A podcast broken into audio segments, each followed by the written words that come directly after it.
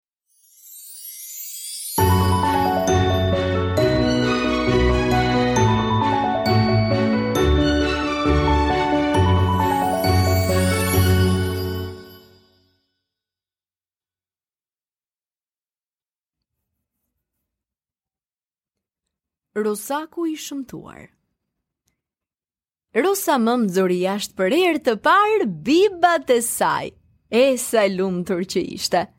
Kur vuri re njëra nga vezët, ajo më e madhja nuk ishte çelur akoma. E, po e provoj ta ngroh edhe një herë, mendoi ajo, dhe ashtu bëri. Të nesërmen nga veza e madhe, doli një rosak që kishte, ndoshta disa tipare pak sa më ndryshe nga të tjerët. Ai ishte më i madh, me qafë më të gjatë, pothuajse pa pupla fare. Tamam, mund të themi, i shëmtuar ndoshta? Rosa deshti ta largonte nga çerdhja e saj, por përsëri ndërroi mendje sepse i vinte keq, ishte veza e saj, ishte biba e saj. Ditët kalonin dhe Rosaku haste vështirësi për shkak të paraqitjes së tij, ndryshe nga Rosakët e tjerë. Për këtë shkak, asnjë nga vëllezërit dhe asnjë nga motrat e tij nuk pranonin të luanin me të. E tallnin sa herë që e shikonin. I, sa qafë të gjatë që ka! I, sa bisht të madh! I, sa pak pupla!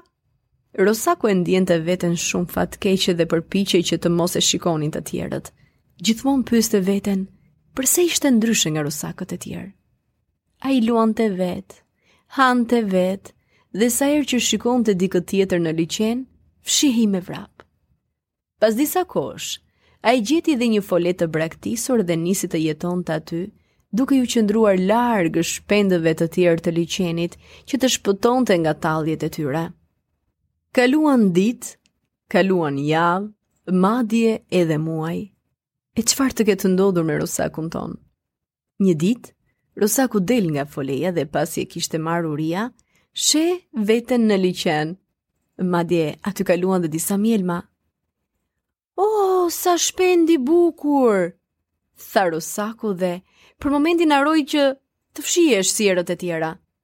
U nis drejt tyre me një dëshirë të madhe për t'u folur. Njëra nga mjelmat i foli. Shikoni! Hej, shikoni qenka një mjelmë e re në liqen! Rosaku, pa që iu drejtuan atij, uli sytë në ujin e liqenit si pasyrë, dhe aty pa që ishte tamam shndërruar në një mjelmë të re dhe të bukur. Tani ai e kuptoi, e kuptoi më së miri, përse ishte ndryshe nga të tjerët.